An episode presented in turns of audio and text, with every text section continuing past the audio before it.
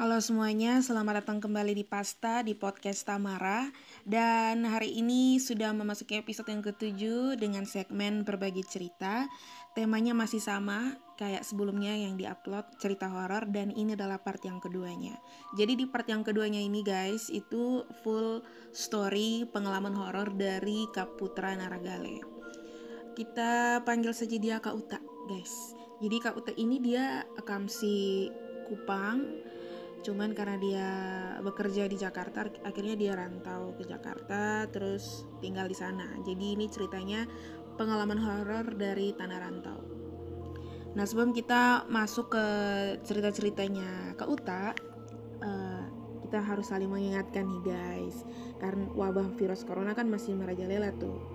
Dan salah satunya di Kupang juga walaupun masih masuk dalam kasus ODP PDP tapi kita harus tetap mewaspadai mawas diri siaga biar uh, jangan ada lagi ODP atau PDP jadi kita tetap mengikuti instruksi pemerintah stay home uh, jaga jarak terus selalu cuci tangan jaga kebersihan dan juga selalu sehat.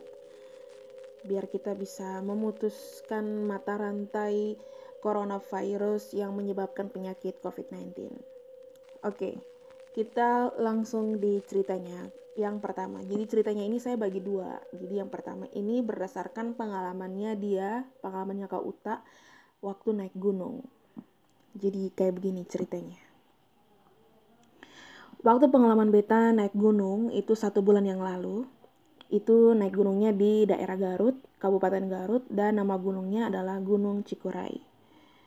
Beta lupa berapa ratus kilometer dari permukaan laut, tapi waktu malam Jumat itu, waktu rencana awal, memang kami semua, kawan-kawan dong semua ini kepingin naik gunung. Dan rencana awalnya itu, itu adalah naik gunung salak. Cuman sudah jadi naik gunung salak, karena dengar-dengar begitu dia punya cerita mistis sangat ngeri gitu. Jadi kita memutuskan untuk pilih Gunung Cikuray di Kabupaten Garut. Ketong berangkat dari Jakarta ke Garut itu makan waktu 2 sampai 3 jam perjalanan. Dan akhirnya bisa sampai di base camp itu jam 12 malam. Sampai di situ uh, kita tunggulah sampai jam 6 pagi gitu untuk naik ke pos 1. Kita santai, kita istirahat di situ. Sampai akhirnya waktunya sudah menunjukkan setengah enam, kita bangun, kita menyiapkan peralatan-peralatan untuk kita langsung jalan ke pos 1. Nah, untuk sampai di pos 1 itu kita melewati hamparan persawahan yang bagus, yang indah view-nya, yang keren. Dan jarak dari hamparan sawah ke pos 1 itu sangat memakan waktu yang lama lumayan jauh perjalanannya itu waktunya sejam untuk sampai ke pos 1 dan akhirnya kita sampai di pos 1 sampai di pos 1 kita bikin tim dan tim itu terdiri dari lima orang. Nah sampai di pos 1 itu belum terjadi apa-apa. Masih aman masih biasa-biasa. Kemudian kita tim ini yang lima orang ini melanjutkan perjalanan ke pos 2 dan pos 1 ke pos 2 itu memakan waktu 45 menit. Nah, waktu kita jalan ke pos 2 itu hujan, hujan besar, hujan deras, tapi tidak terlalu deras. Akhirnya kita memutuskan untuk oke, okay, ketong berteduh sah. Gitu. Akhirnya ketong berteduh di situ, ketong buka tenda di situ. Karena lupa bawa jas hujan. Jas hujannya ketinggalan di mobil. Nah, untuk jalur yang kita lalui untuk sampai di puncak Cikuray, ini jalur yang baru. Jadi belum banyaklah pendaki yang lewat dari sini. Sambil nungguin hujan reda, kita berteduh di situ buka tenda tadi ya, sambil ngopi. Nah, kejanggalan pertama di situ saat kita buka tenda, mulai ada. Nah, waktu kita buka tenda itu belakangnya itu kan langsung pohon-pohon yang tinggi, yang besar. Ya kalian tahu lah pohon-pohon di gunung gitu. Itu banyak. Terus mulai tuh selain suara hujan itu ada suara kayak uh, suara gerumuh kayak zzz gitu suara gerumuh lah suara seperti itu dan yang kita tahu ini dari kauta yang kita tahu itu hanya ketong sa ini tim sa yang ada di situ. Nah karena beta penasaran beta picek di belakang. Nah beta pun teman juga ikut picek di belakang. Lihat eh sana ada apa-apa. Ya memang kabut ya pohon banyak dan ketong positif thinking sa mungkin ini suara burung atau suara apa. Singkat cerita hujan berhenti. Terus kita lanjut ke pos 3 dan itu lumayan perjalanannya. Sekitar setengah jaman lebih. Sampai di pos 3 masih aman. Waktu pos 4 nah kita sampai di pos 4 di situ beta pun teman mulai aneh nah tadi kan satu tim itu kan lima orang. Hanya yang dilihat sama beta pun teman ini bem kawan nih itu ada enam orang. Dan saat dia balik belakang dan lihat orang yang paling belakang itu ada sesosok cewek. Dan ya memang dalam kelompok ketong ada lima orang ini memang ada satu cewek. Tapi beta pun kawan yang cewek ini dia selalu di tengah-tengah posisinya. Jadi posisinya itu dua laki-laki satu cewek dua laki-laki di belakang. Cuman beta pun kawan nih lihat ada satu cewek di belakang. Terus cewek ini pakai pakaian Jawa Jawa dulu dan sepanjang jalan dari pos 4 sampai pos 5 itu itu dia ada terus nah cuman teman-teman belum bilang kalau dia ada lihat jadi kau ikut terus perjalanannya terus cuman raut muka dari beberapa teman ini sulain dari biasa suka bercanda-canda begitu tapi kayak jalannya mulai berdempet-dempet yang ketong kayak Sony menikmati perjalanan maunya cepat selesai begitu. Perjalanan dari pos 4 sampai pos 5 itu hujan gerimis. Nah, pos 5 sampai 6 itu jalannya sangat terjal. Jadi ketonju merayap begitu kayak Spiderman. Waktu kita di pos 6 itu waktu sudah sore, jam 6 sore gitu. Akhirnya Bepung teman yang tadi lihat cewek itu yang di antara lima orang ini ketemu tim cewek berpayung dia bilang begini sudah ketong buka tenda di sini sah ketong istirahat di sini. Betasan enak lah akhirnya ketong buka tenda. Nah yang sampai di pos 6 terus buka tenda itu ketemu kelompok sah ada yang pertama duluan di situ. Dan waktu keteng ada siap-siap buka tenda gitu kesnai kesnai tenda siap-siap. Kan keteng mau bermalam di situ toh barulah ada dua kelompok yang datang dan ya seperti biasa lah dua kelompok datang ketong santai-santai sama-sama ketong ngopi sama-sama makan pop mie gitu sama-sama situ nah pas malam ini hal terjadi di beta di beta sendiri. Karena beta justru tahu kenapa, mungkin beta capek, sampai di sampai dan sampai pasang tenda, habis beta langsung masuk tidur di dalam. Masa tidur di dalam, istirahat habis minum kopi gitu langsung masuk tidur istirahat di dalam. Nah, beta mimpi di situ, beta tidur situ beta mimpi be mimpi beta ada tak bangun be mimpi beta tidur tau tapi be ada bangun beta bangun beta lihat kiri kanan. Be kawan dong barisan tidur aduh ada tidur ternyata. Cuman dalam be mimpi itu ada satu sosok perempuan cantik terus dia senyum pi beta. Dia lihat beta terus dia senyum beta terus langsung beta kaget bangun. Nah pas be bangun, hi, Beliat lampu mati. Beliat kiri kanan bem kawan dong ju ada tidur. Be, beta rasa kayak ini be mimpi kok atau betulan beta lihat dia betulan nih. Beta omong beta pisu pikir begitu toh. Be bilang wah ini son benar lah oke be positif sah.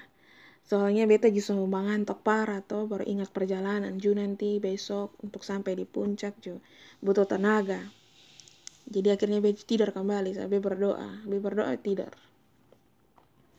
nah singkatnya kelompok kita dari pos 6 mau rencananya mau naik ke puncak Cikuray dan itu di pos 7 jalan seteng jalan setengah gitu langsung sampai begitu karena jaraknya terlalu jauh.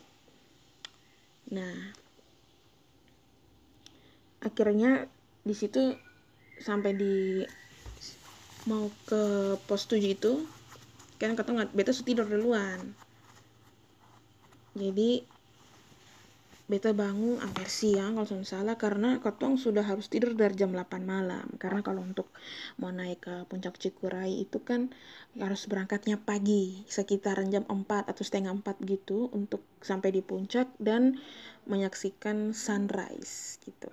Jadi beta su habis mimpi su tidur kembali pas jam 4 setengah 4 ketemu mulai sudah naik ke puncak. Pas dalam perjalanan beta pun teman izin boker. Kata ada lima orang teman yang laki-laki dia izin boker. Sekitar 15 menit lah katong tunggu dia akhirnya katong lanjut jalan lagi setelah itu perjalanan perjalanan perjalanan beta pun teman yang cewek itu dia jatuh dia terkilir. Dan Sonde bisa ikut lanjut lagi dan akhirnya dia balik bersama orang yang ajak dia itu yang juga memang kawan juga. Dan ada satu beta pun taman laki-laki yang akhirnya dia juga kembali. Sudah napas yang kuat naik gunung dia juga pengecut. Dia juga bilang kalau dia soalnya bisa ikut. Dia mau balik. Akhirnya yang tersisa cuma dua orang. Dia beta dengan bepung kawan yang tadi lihat ini cewek nih. Ya sudahlah, mau ke mana lah, ketemu lanjut saya ini semua sampai nih, akhirnya kata lanjut jalan. Akhirnya kata naik menuju puncak. Kata dua orang sah. Nah, pas perjalanan beta sudah bisa pastikan ada yang ikut ketong atau sonde. Tapi jujur di hawa beda sangat-sangat beda. Kotong dua jalan nih. Kotong dua sendiri saya jalan. Tapi kayak rasa tuh kayak ada rame begitu tuh. Kayak ada yang awasi kotong dari kiri, dari kanan. Beta soalnya tahu itu benar atau soalnya atau bepeng perasaan. Saya cuma rasa soalnya enak nah. Dan bepeng teman nih, dia muka son betul ya, dia sepucat. Dan dia tuh memang bisa lihat, cuman dia orangnya soalnya malah dia lihat tapi dia selalu langsung kasih tahu begitu nah pas naik-naik begini su rasa kayak lebih enak lah. Hanya ketong kayak masih rasa diawasi seterus. Dan itu waktu ketong dua sendiri itu kayak yang dapat awasi itu kayak orang datang lempar batu lah. Lempar batu dari belakang gitu. Karena beta paling belakang tuh jadi eh beta ini hanya bawa eh insan insan benar. Banyak beta rasa kayak positif sah begitu beta jangan mau pikir aneh-aneh gitu. karena dalam pikiran ini harus sampai puncak dulu nah ya sekitar mau jam 5 pagi begitu akhirnya mulai terang tuh jadi kotong bisa lihat matahari mulai muncul dia mulai mulai muncul muncul akhirnya kotong sampai di puncak puji Tuhan sampai di puncak dan viewnya sangat keren puncak Cikuray, orang bilang negeri di atas awan. Hanya dia pun dingin tuh, aduh mama sayangnya dingin mati. Sampai gamatar, sampai tangan dong beku. Terus biasalah kata foto-foto di situ sampai akhirnya kata harus balik karena sudah jam 8 toh. Singkat cerita kata turun sampai di pos 6. Sampai di pos 6 ketemu ketemu lah ketemu kawan-kawan yang tadi sang jadi naik gunung tuh ketemu ketemu situ terus ketong siap-siap ketong bergegas cepat-cepat biar kotong bisa turun biar supaya sampai di bawah sampai malam gitu sampai sore. Nah pas dalam perjalanan kotong turun dari pos 6 akhirnya pos 6 ke pos 5 pos 4 3 dan akhirnya kotong sampai di pos kedua pos 2 nah kotong sampai di pos 2 nih kotong ketemu satu orang laki-laki dia sendiri sah nah itu aneh itu masa lu naik gunung atau turun gunung masa lu sendiri saya pos 2 tuh jadi kan berhenti terus kan tanya bilang he mas ke mana mas? Dia dia cuma bilang kalau dia haus. Akhirnya katong angka air ambil air katong air minum katong kasih dia air minum katong air minum. Terus katong lanjut lagi jalan nih nah katong pas jalan katong ketemu satu gerombolan satu kelompok yang dong so turun lebih dulu. Terus katong tanya mas tadi turun lihat orang nggak? Gitu kayaknya dia tersesat. Terus ini orangnya kelompok ini yang sudah turun duluan dibilang gini enggak enggak enggak lihat. Gitu. Enggak ada orang gitu.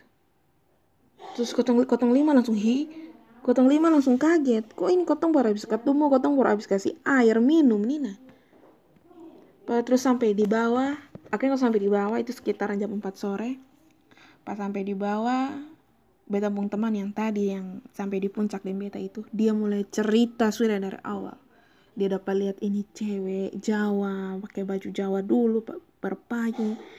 Orang-orang yang awasi kotong kotong dua waktu kotong dua naik dia langsung pikir weh anjing.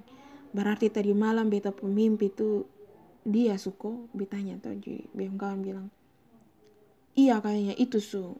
Malu bangun celana basah sonde Jube bilang sun basah. Jube kan bilang kalau sampai basah berarti lu kawin dengan dia dan itu udah bisa pulang leh. Wih, beta langsung aduh untung bisa nih. Celana basah. Itu kepercayaannya dong kalau sebegitu berarti saya bisa pulang leh. Dan itulah pengalaman waktu beta naik gunung sekian.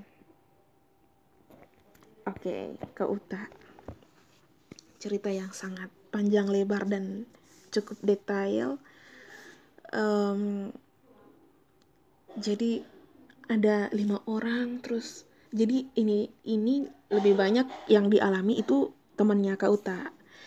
Cuman akhirnya dialami sendiri waktu di tenda waktu mimpi. Waduh gila. Cewek berpayung ya guys. Mengganggu pengalaman lu naik gunung. Terus dari lima orang tiga orangnya nggak bisa ikut. Terus tinggal dua orang dan lu berdua masih tetap nekat naik dan diawasi coy merinding meta sumpah nih. Oke 18 menit coy kita lanjut ke cerita yang kedua. Nah cerita yang kedua ini cukup menarik menurut saya. Kita lanjut ke cerita yang kedua ya guys. Semoga ini bisa menarik juga buat kalian para pendengar pasta yang mengklaim diri kalian pasta mania. Terima kasih sekali lagi buat supportnya ya guys. Oke, kita lanjut ke cerita yang kedua, pengalaman horor dari Kaputra Naragale atau Keuta. Pada saat Beta datang di Jakarta, Beta tinggal di rumah DPR.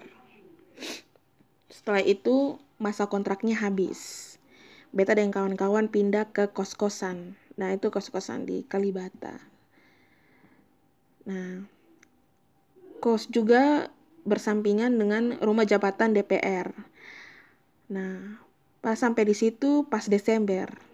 Eh, pas November dan Desembernya beta pulang ke Kupang. Pas sampai Kupang, beta dapat tawar untuk tinggal di kakapung rumah di Pasar Rebo situ. Puruma, di Pasar Rebo, perumahan Polantas. Beta tinggal di situ, tinggal sendiri. Pertama kali, pas beta dapat kunci dari BMKK, beta ekspektasi ini pasti rumah besar. Dan memang betul ju. Kamar tidur ada tiga. Dan beta tinggal sendiri di itu rumah. Beta buka pertama nih, wih, di dalam Mbak Abu Ngariza. Dan dia bilang sudah tiga tahun dia Sony tinggal di situ. Gue pikir oke okay, oke okay, san papa. Beta pikiran aman sa. Akhirnya beta mulai kasih bersih rumah beta sapu pel segala macam karena memang di debu ini terlalu sangat banyak terlalu tabal-tabal. Nah waktu beta kasih bersih bersih ini rumah nih itu di hari pertama teman-teman. Beta datang langsung kasih bersih. Nah di depan rumah nih ada pohon besar dan di belakangnya itu ada kali. Di belakang itu pohon ada kali besar gitu. Nah yang beta lihat juga dari ini pohon besar nih ada tanaman rambat begitu dengan ini pohon. Nah beta tak salah mata be lihat. Ada satu perempuan satu cewek berdiri di depan rumah. Dan itu dekat pohon. Aduh be merinding sumpah. Pertama beta pikir beta salah lihat. Karena memang be mata juga rabun toh tak ganggu gitu jadi eh sudahlah. Beta lanjut ke bersih rumah sah setelah beta kasih bersih rumah akhirnya itu jam 2 pagi beta pulang lah kos. Langgar lusanya beta pi kantor terus beta omong-omong di kawan dong. Dia bilang bosong pi rumah dulu beta ada dari tinggal besok ada rumah nih dengan berapa kakak tinggal sendiri. Terus bem kawan dong oke oke. Langgar dua harinya pas pulang kantor beta pun kawan ikut beta pulang karena dia justru bawa pakaian karena dia mau tidur dan beta tuh di rumah. Pas sampai di situ sampai pertama situ katong biasa-biasa sah katong masih main PS masih biasa lah. Hi langgar berapa menit pas bepung kawan di depan dia mau buang ludah dia bilang ke tak depan rumah lu ada cewek ya? Terus dia bilang enggak enggak enggak ada perasaan lo kali. Terus beta kawan bilang ada tak gue juga bisa lihat. Ada cewek perawakannya kayak kunti. Beta langsung bilang dalam hati anjing beta tinggal sendiri di sini. Tapi beta tetap omong positif sa biar sana beta sone inga-inga begitu. Beta kayak mengalihkan terus di mbak omong habis dari itu minggu depannya beta mulai tinggal di itu rumah. Beta kes pindah barang semua semua hari pertama sone ada apa-apa. Hari kedua pas malam nah beta pun kamar nih ada jendela. Di depannya tuh langsung teras begitu terus langsung menghadapi pohon besar. Pohon besar beringin dan itu di kali besar lebih besar dari kali-kali kupang. Nah pas malam beta tidur ini kejadian hampir siang jam 2 pagi beta dengar orang ketok jendela. Dan itu sangat keras. Tak tak tak tak. Dia cara ketok tuh kayak orang yang maksa ketong harus buka pintu cepat. Wih beta. Ini siapa nih? Pak pak pak pak pak Be bilang, Mai, ini siapa nih? Beta bilang, Be, be bilang dalam hati, Be bilang, ini san bae lah ini. Be bilang, Be, beta ini san batule. Mau beta san sempat maloi itu. Pas ada ketok-ketok, langgar berapa menit, susone babunyi lai. Baru beta bangun, kok beta pi buka itu jendela. Seret. Sone apa-apa. Be bilang, hi, semai, ye. Sudah. Berapa hari ke depan aman, sah langgar lusanya beta pagi-pagi beta biasa beta pagi-pagi be bangun bisa pupel toh. Sampai di luar ada tetangga di sebelah ajak kenal. Ini tetangga bilang gini eh mas tinggal di sini ya. Terus biasa lah ketong tetangga dong bekar mana tuh terus ini mas bilang gini. Eh ini mas ini pak bilang gini. Gak apa-apa tinggal sendiri Wih, beta langsung kaget. Ini kenapa nih? Beta langsung bilang, gak apa-apa pak. Terus dia langsung sambung gitu. Dia bilang, oh hati-hati ya. Terus dia bilang, ih kok ini kusukan apa nih? Bilang hati saya. Terus ini tetangga bilang gini. Soalnya mas di depan rumah ada kuntilanak. Adi. Wih itu dia dalam hati hanya bisa bilang, hi ayo anjing. Jadi selama ini yang beta lihat nih berarti ada betul su. dari bepung kawan su omong sebelah bepung kawan su omong tetangga sebelah kiri konan omong kemarin beta dapat katok wih ini berarti betul so. soalnya ini pak nih dia biasa juga dapat lihat karena dia biasa pulang hampir siang gitu kadang dia ada di depan rumah di belakang pohon atau kan situ ada musola kadang juga dia berdiri dekat musola. Jadi begitulah. Habis itu dia bilang dalam hati ini son betul nih. Eh sudah benik mati sesuma kayak langgar minggu berikut son ada gangguan. Langgar lima hari kemudian setelah itu beta dapat ganggu le. Dan ini ketuk pintu dan ini ketuk pintu bukan ketuk jendela le. Dan itu dia panggil beta nama dan itu kejadian sekitaran jam 2 pagi.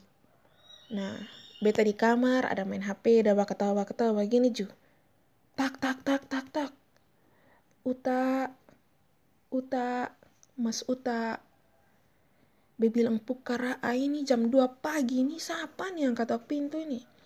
Dan perasaan di ini komplek ini san ada yang kenal beta dengan nama Uta. Dong kenalnya semua nama Putra dan utak tuh untuk orang-orang yang dekat sahabat kawan beta heran ini jam 2 pagi nih dan itu suara perempuan. Eh beta beranikan diri semua beta bangun beta lihat. Beta buka pintu straight anjing sonde ada apa-apa di depan. Be bilang we ini mati su dan ini su jam 2 beta son bisa tidur sampai pagi. Dan jam 6 begitu baru beta mulai tidur. Habis itu langgar tiga hari lagi dan beta dapat ganggu dan ini sangat-sangat ekstrim. Beta dapat ganggu beta biasa di kamar main HP jam 12 malam. Meteran jatuh serak dan itu meteran hanya di beta pun rumah sah. Bayangkan saya semua lampu ada menyala ma beta rumah sah mati. Dan beta posisi sana ada kas menyala apa-apa. Cuman AC di kamar lampu kamar hanya itu sah. Lampu sama bekas mati. Beta langsung cek meteran bepi cek meteran hi beta kaget kok ini meteran ada menyala melampu mati. Ini sukar mana nih eh sudah beta masuk kamar beta duduk. Beta duduk bikin biasa sa. Duduk main-main begini hi kaget dia menyala sendiri. Langgar setengah jam leh lampu mati tak. Wih ini dua kali nih. Kok ini beta son ada buat apa-apa nih wih pas itu malam leh yang pas lampu mati itu pas dia langsung mati yang kedua itu tak. Langsung ada orang ketawa. Pas pas orang ketawa di belakang talinya. Hehehe begitu. Beta langsung weh ini sangat son batul leh ini ketawa jelas di samping telinga nih eh beta jengkel beta le beta jengkel tuh beta angka Alkitab beta baca ayat beta sonta beta baca ayat apa beta baca ayat yang beta buka beta dapat. Beta baca abis beta sambayang langgar 10 menit lampu menyala sendiri. Dan beta cium bau-bau angus. Tapi bukan kayak ada masak apa kok angus tapi kayak angus rambut rambut angus rambut tabakar begitu jadi dia bilang ini beta harus berdoa terus. Ini kejadian sampai sekarang. Beta berdoa terus. Kalau beta mau tidur beta berdoa. Beta mau bikin apa apa beta berdoa baca Alkitab. Nah tapi tetap di depan rumah beta masih dapat lihat. Tapi saya pernah kena ganggu le setelah itu kejadian. Hanya beta was-wasa. Kayak kalau beta tidur begitu beta buka mata kalau dia pas-pas di depan wey. Itu bisa tahu le. Tapi semoga sonde. Itu sampai pencerita horor waktu beta di Jakarta. Oke Kak Uta, uh, dari Kak Uta pun cerita nih beta coba membayangkan itu rumah, itu pohon, itu cewek, itu kali dan dan beta membayangkan sampai beta bulu badan berdiri. Dan lu sendiri di situ dan dan lu tetap tinggal di situ karena apa kos mahal atau apa tapi wow Kak Uta ini dia jarang gini kalau di Kupang ya bisa tahu ya mungkin dia juga jarang cerita di Beta cuman lo punya pengalaman horor yang dan yang lo alami sendiri. Beta kalau jadi ya be Jason tahu. Beta bisa lihat juga cuman beta penakut gitu. Tapi kalau kak Uta kan mungkin ya di bawah santai positive thinking dan akhirnya dia jengkel. Dan wow gitu berbaran mandiri kode sumpah. Yang kedua nih sangat-sangat dalam. Oke. Okay. oke okay, jadi itu adalah cerita dari Kak Uta part 2 cerita horor. Dan sana akan ada cerita horor lain mungkin bulan depan atau dua bulan kemudian baru akan ada cerita horor lagi. Biasanya mau ada cerita-cerita horor lagi. Karena kayak beta ya beta kemarin ya beta juga agak ngeri-ngeri juga. Tapi yang pas yang ini beta baca be, be kayak be kayak belum buat diri sumpah nih. Oke. Okay.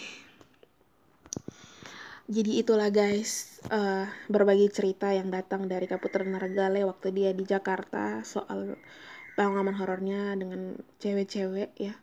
Pertama di gunung cewek di rumah kuntilanak guys semoga teman-teman bisa suka ceritanya dan kita akan masuk di segmen berbagi cerita dengan tema yang lain teman-teman.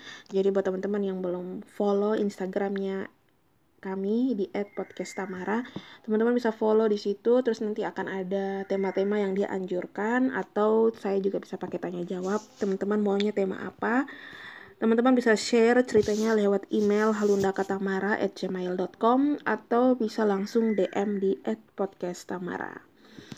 Oke, akhir kata Tamara pamit. Sampai jumpa di episode selanjutnya. Bye.